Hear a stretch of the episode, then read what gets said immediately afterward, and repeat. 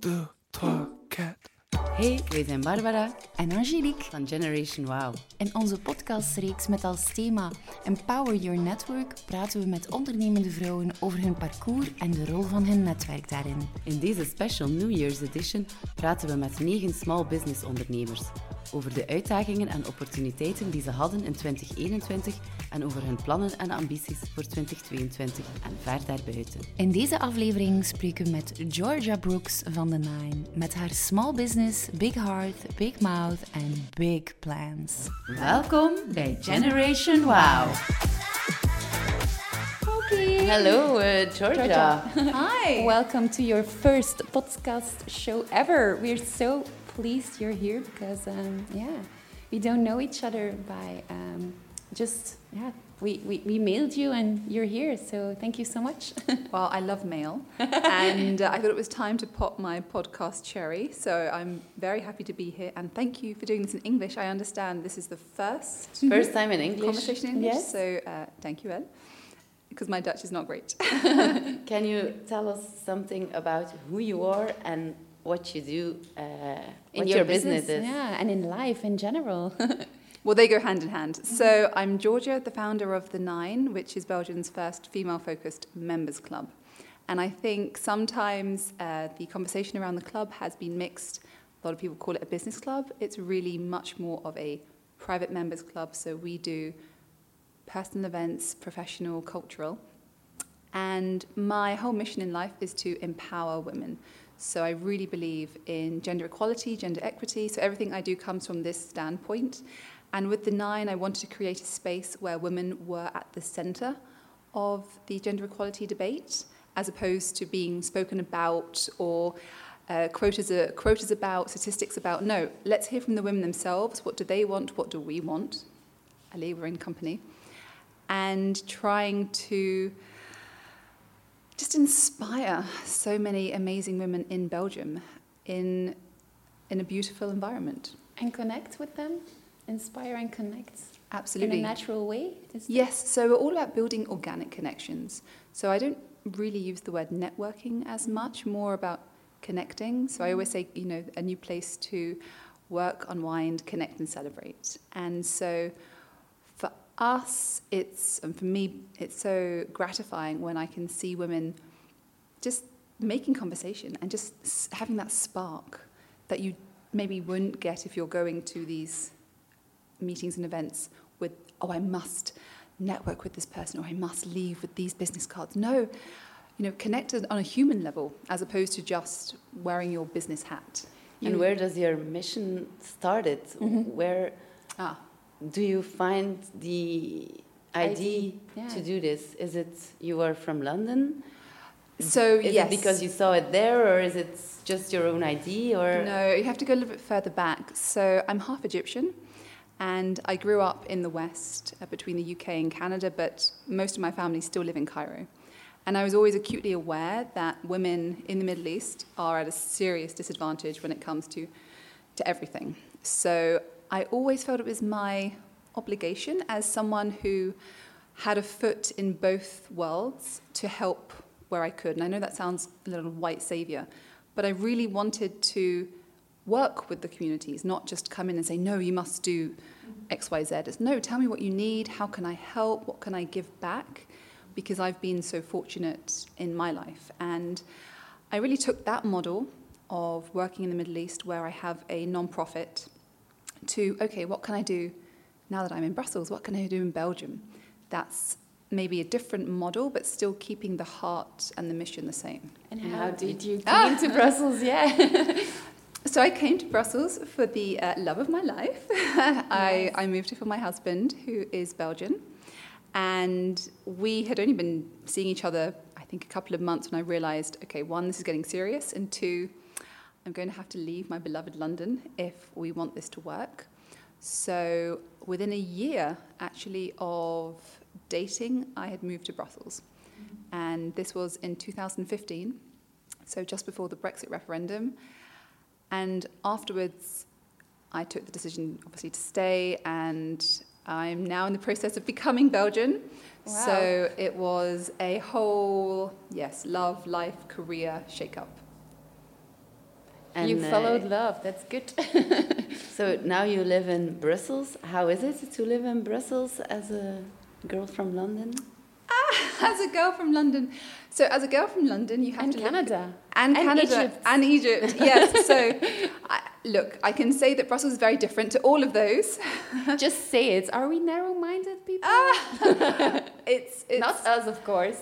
it's a um, well, Brussels is unique in the fact that it has smaller communities even within the city. So I live in Saint Gilles, Saint Gilles, nice and I love it. Beautiful place. Really, I, I've really, I've got to know um, people at a local level. So, the butcher, the baker, the candlestick maker, and I would never have had that in London. So already that's a difference. But then more at a macro level, I can see Brussels is really trying to to grow and to develop uh, culturally, socially. There's a lot of ambition, and maybe uh, the nine will be a part of that. I hope yeah, so. you're contributing. I to really this. hope so that we can push things a little bit further. That you know you don't have to be surprised. I mean, uh, there was a lot of uh, surprise is one word, but maybe criticism about the club when it was first announced. Like, why are women doing this? Why do women need a business club? Is and it? I- That's oh, yeah. narrow-minded, isn't it? I think it's just because it's so new It's new. And It's It's a different concept. It's You need to know what's inside to know. Eh? Yes, Yeah. in fact, I had a comment the other week about uh, from a man. But, yeah, what do you what do you women do there all day? You know, what like why does a woman even need to go to a club? And I said, well, you know, we have to sacrifice our male virgins and then offer up these kind of libations to the goddesses.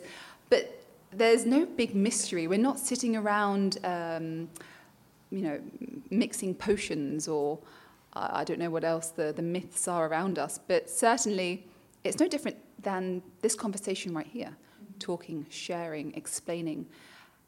And there's something powerful about being in a female focused space where you're not competing for attention, you're not worried about judgment. So your barriers just melt away, and you can have these very You're just asking. oh, purely authentic conversations. I've had, yeah, I've had some very emotional at times debates and discussions with, with my with my members and, and staff, and you feel empowered in the space to do that, whereas you may not in a bar, restaurant, hotel, Can etc. you walk us through the club and Yeah. tell us when We you come know- in what is there and We know it's a beautiful place. We must visit it, but we saw yeah some beautiful uh, pictures of the interior. It's uh, yeah, it's wow.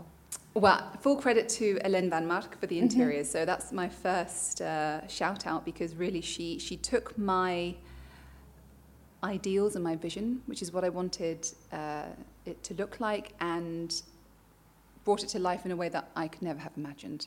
So, okay, walking into the nine, you have to think you're going into Narnia. I wanted this idea of you don't know where you are, you don't know what's happening, and you don't know where to look because it's just so overwhelming. So you, you come in and we have this beautiful um, fixed floral installation by Stays Florist.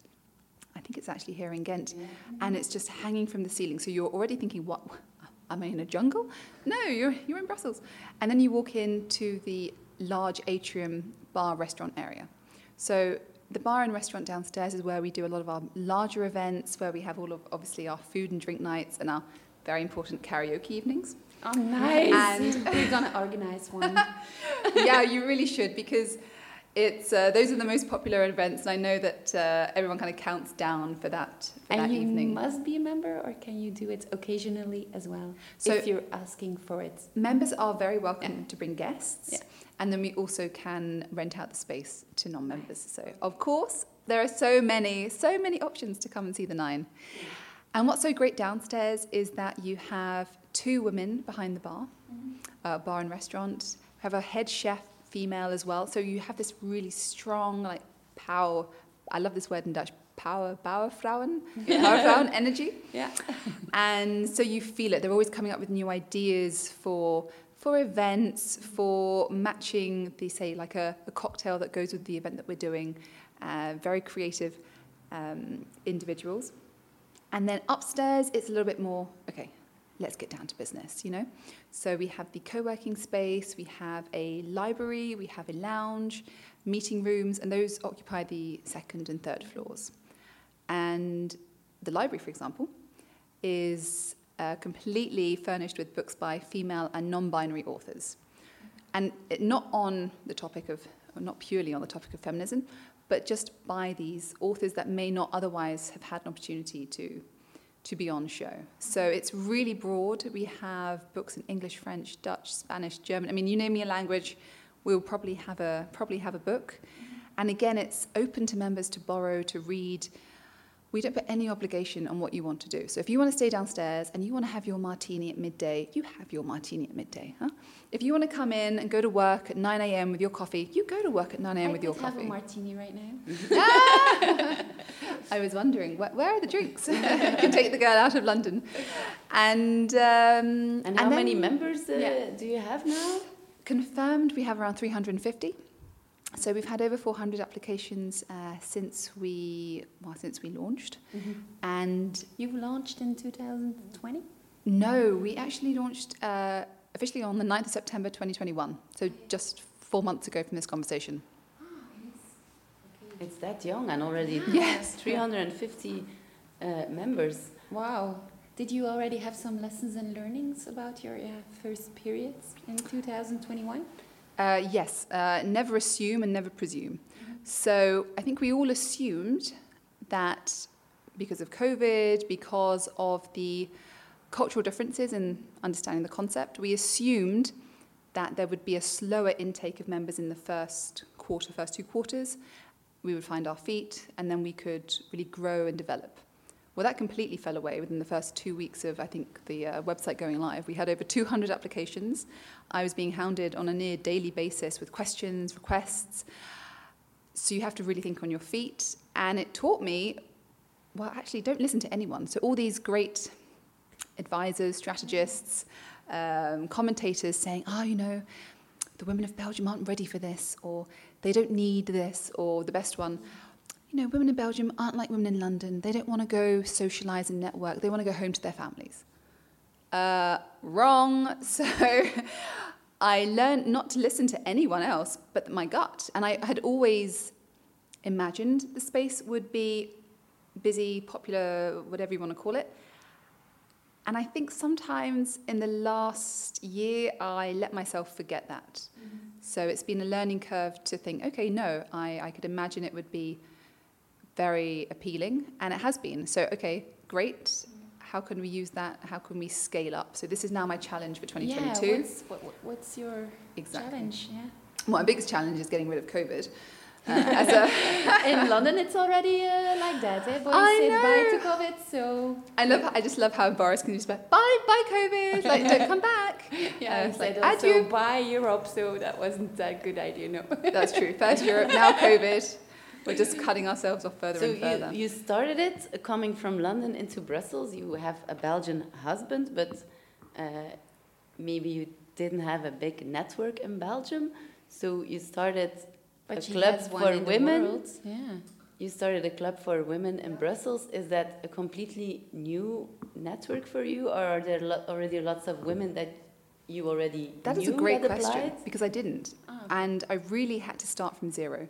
So you have to imagine when I came to Brussels, I started from zero in, in every respect because I had been a, a legal editor in London, which is completely different to what I'm doing now. I had a very established social and professional network, which effectively I gave up. So I came here not knowing anyone other than my husband, a couple of professional contacts, and uh, my stepdaughters. So suddenly you're thinking, okay, wow, where are all the amazing women? Well, like, where are my girls at? And it's hard when you're 30, 35 to make friends, even to, I mean, yeah, networking is one thing, but even when you want to go beyond that, like, how do you do that as a, as a 35 year old woman? How do you make new friends? We met each other when we were like uh, 35 and I was, yeah, 38, so. Did you go on like a speed friending date? No, no. No. we met each other in a co-working And a co-working space. space. Ah, yeah, okay. But I, I, I think It it's true. eh? You, you, you can still make new friends uh, when you're older. But I think if you're on your own, it's difficult to get into a circle of friends Mhm. because everybody is so used to each other Exactly. Has his own. and you speak another language. This is one of the reasons I set up the nine because I really felt like an outsider. I would go to a lot of events and I wasn't, you know, I wasn't close enough to the EU bubble because I wasn't working in institutions and by that time the UK had left the EU. So okay, you're already excluded from from that world. And I wasn't Belgian and my okay, I speak French, but my Dutch was really nil. So I'm I'm excluded then from my husband's kind of more Flemish world. And then you're like, okay, well, where, where else can I go? I wasn't an entrepreneur at the time. I was working in human rights Middle East, in the Middle East. All of my contacts were back in, in Egypt and Mm. Lebanon. Okay, I'm not there. So you're you just changed that. alone. You did it. Yes, but I mean, with brute force, you Mhm. have to really push through. And there's something to be said about, I think, just reaching out to people. I mean, I'm going to give you a perfect example. One of my board members, and who's become a very close friend, Stephanie, at Manasseh of the uh, Accessible Art Fair and of the now SM Art Advisory. Little shout out Stephanie. so she is Canadian, has been in Brussels for, I want to say, 15, 15, 20 years. And I was looking at, oh, who would be a good fit for the nine to do the art, who could really advise me on a, on a board level. And I, Stephanie's name kept coming back.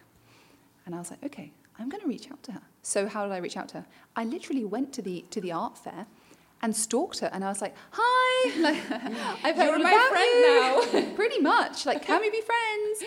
And I mean, we joke about this now, but I, I basically wouldn't let her go without this, you know, this uh, promise of having a coffee or That's talking to me about the nine. And I, I think she thought I was crazy. Most people think I was. I think I am crazy. That's good. A little bit of craziness. But voila, and you have to.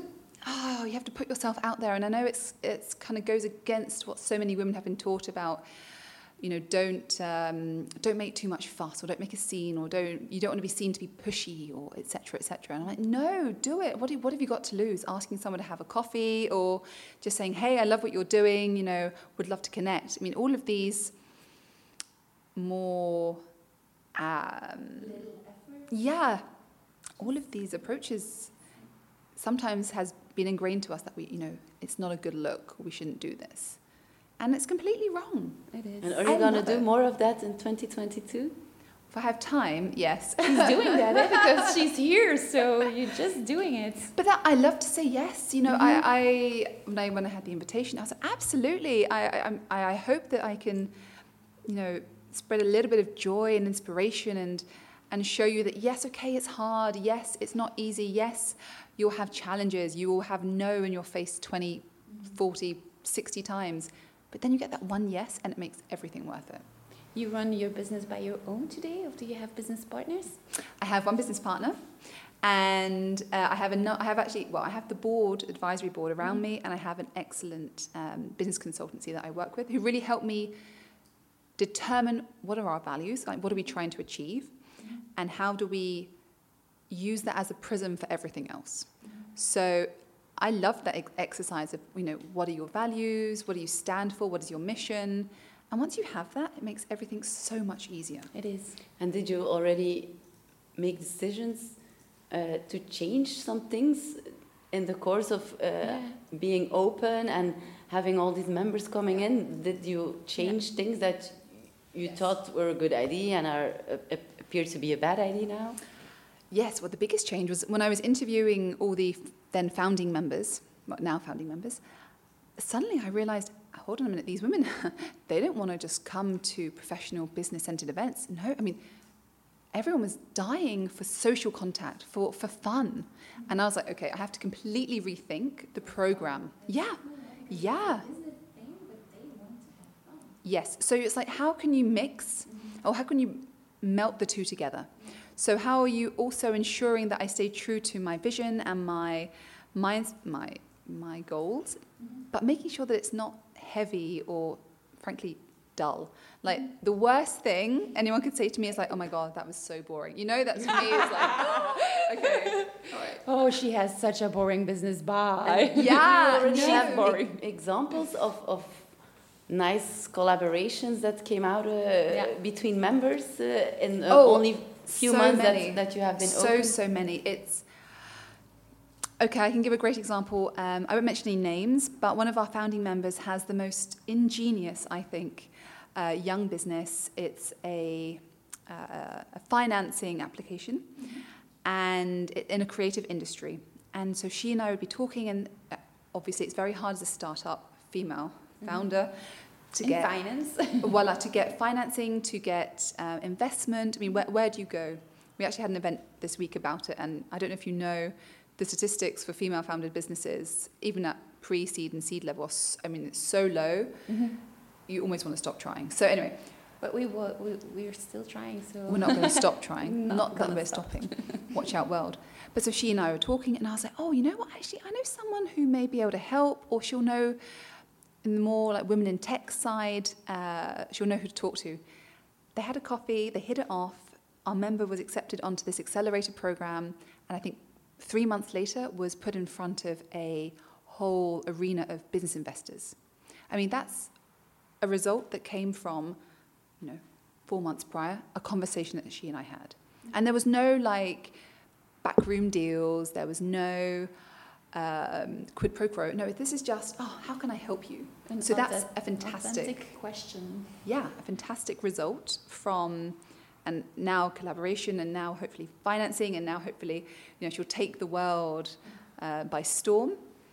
And you think, oh, it's so nice to have been a part of that journey. Of that seat. Yeah, Yeah. really. Nice. cool. And what are uh, the goals uh, for you and the club in 2022? Well, no big deal. I'd like to have gender equity by the end of 2022. So okay, done deal, bye. I love how we're all laughing. It says it all, doesn't it, really? So, as much as possible, I'd really like to hammer home gender equality. I mean, to everyone who thinks that we have achieved gender equality, can I just say, where do you live and can I move there? And everyone else who thinks that being a feminist is a bad thing or a dirty word, again, I ask, you know, what does feminism mean to you? Mhm. And for me, it, it purely means equality. So I'm not saying that we need to be treated differently or in a special way. No, I, no, I just want to be treated the same. We must just take the rights ourselves, no? I think so. Well, this is what I've done with the 9 Mhm. and hence so much controversy about a woman, a woman's club. I mean, Mhm. What next? You know, a woman president, uh, etc. cetera, et cetera. Allowed some men that they can see what how good it is, no? Well, men are very welcome as guests. and uh, I mean, sometimes we actually have more men than women in the space simply because members will bring their, their partners or their friends. And Of course. one of the biggest compliments I had was one of, from one of my best friends who was visiting from the UK. Uh, he's a man. And he said to me, This is the first time I'm in a space where I feel I'm not meant to be here. Not in a bad way, but he said, I really feel this is not designed for me. And I was like, okay, now you know how we feel every day.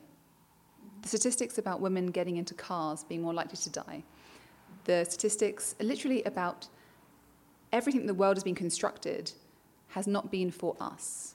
And so the nine, it was my way of rebalancing that situation. For example, we have five toilets for women and we have one toilet for men. I mean, it's, it's so small, and I always joke, oh, it's the patriarchy tax. But it's just saying, look, we just take much longer. Like, that is a scientific fact.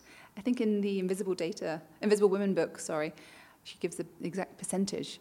And it's like, why are we pretending that doesn't exist? It does. So let's just change how we design things. Why is that so shocking? Nice. You have a, a, a- a big, nice mission. Um, And do you expect it to be like a snowball effect? Like members bring more members and more, and then Yes, one day you won't have enough space for all the. Ah, well, I'm reaching that. I'm reaching that uh, sooner than I anticipated. Again, it's you don't ever assume it's going to get to that point, but then it does. And word of mouth has been so strong. It's almost you have to experience it to believe it. that's the real community-driven thing, no? Yes, and it, ah, I, and what I love is that the, the membership is so diverse. Um, more or less 50-50 between Belgian, 50% were Belgian women and 50% international. So it's this bridge that we just never had before, at least not in Brussels, where everyone comes together. It's mostly Anglophone, English is the working language. So it puts everyone at the same level. There's no political, geographical, etc. Um, standpoint. It's yeah. Uh, how can I say this? It's not homogenous. And how do you s- select who can be Yeah, become a member and who can't? So, as I said earlier, it all comes down to our values. So I base everything on the three values being authentic, curious, and uplifting. For the most part, if you're applying to be a member of the nine, that Then you already voila, it's a self-selection process. You Yeah. know, you, you want to be a part of this community, or you're looking for something, and that's me. I was looking for something, and I'm I'm filling this void as much as anyone else. And then in the course of the interview, you know, we we can see very quickly you know, uh, is this how you understand it to be? Is this what you're looking for? And vice versa. I can tell you on, on one hand, oh, sorry, I can count the number of people on one hand who I've thought to myself, mm, I'm not sure they're the right fit. Not from our side, but because for the, what they're looking for. And I tell them, I say, look, you know, you, you may be looking for a purely business environment or you're looking for a purely co-working space. This may not be the place for you. And that's okay. I mean, you're very welcome to come and try it, discover it. But it's more than that, you know, Exactly. And, you know, sometimes we send cocktails up at like five o'clock in the afternoon. We're like, you're done for the day, girls. Like, come on, have a drink. Stop Maybe you don't want that. Start drinking. Stop. Oh, I love that. yeah, I'm that's good. It's from. Average Rob. I, uh, yeah. And, and uh, what do you expect from your members? Do you have high expectations from No. them, or you don't have any expectations from them? Well, obviously, I'd like to have um, regular feedback on how they're finding the program and what they're getting getting from the nine. But there's no obligation. So I always say you can do as much or as little as you want. Uh, there's no uh, expectation to come once a week, twice a week. Uh, Is it one formula as a member? Correct. Well, we have um, three different types of membership, but that's simply a means of accessibility. There's no difference in the services. So we offer a standard rate, then we offer a reduced rate if you work for a charity, NGO, nonprofit, and a reduced rate if you work. Uh, sorry, if you're under 35, because that was always so. this is this is a big difference to the UK. In London, young stops around 27. Here it stops around 35, sometimes 39. Can you just see 45 then? And I was always, yeah, I, I would have loved to have been a member of more clubs in London, but I just How old are couldn't you? afford it. Yeah. I'm You 35. youngster. I'm 35, so actually I don't count for young membership anymore. Um, I would have done last year, but that was my way of making it a little bit more Yeah. open. What do you love to do the most in your own business club? Well, I've already said karaoke, so Nice. I thought you would say, yeah, um, just be at my desk and then see the people come, and then you say, no, I love to sing in my karaoke bar. That's Do you know what? really I would- I would love- answer.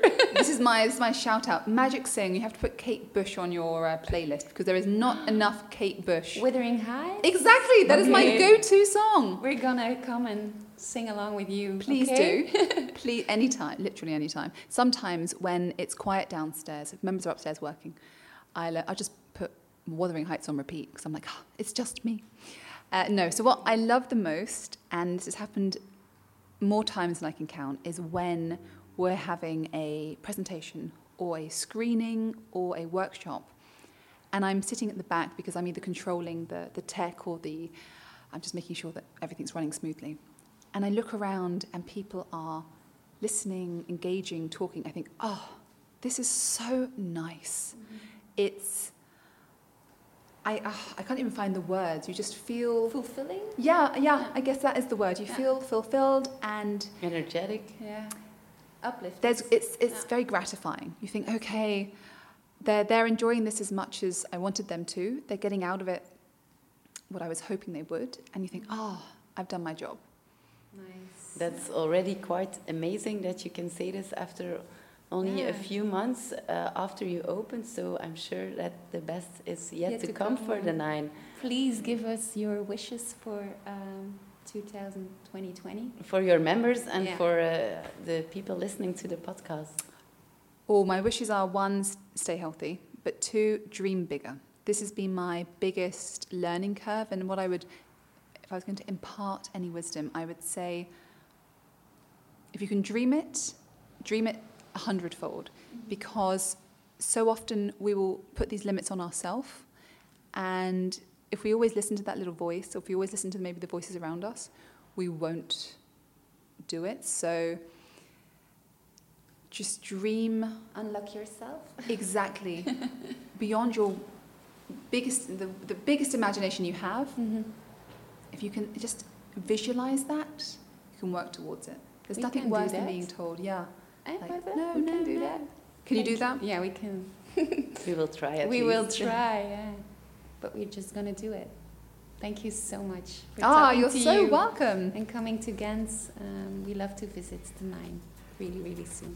great so karaoke no I'm kidding Wuthering Wuthering Heights. Heights exactly exactly thank, Thank you you so so- much for inviting Thank you very me. much. Yeah.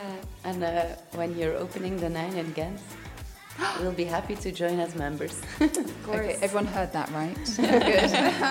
Good. My co-founders over here.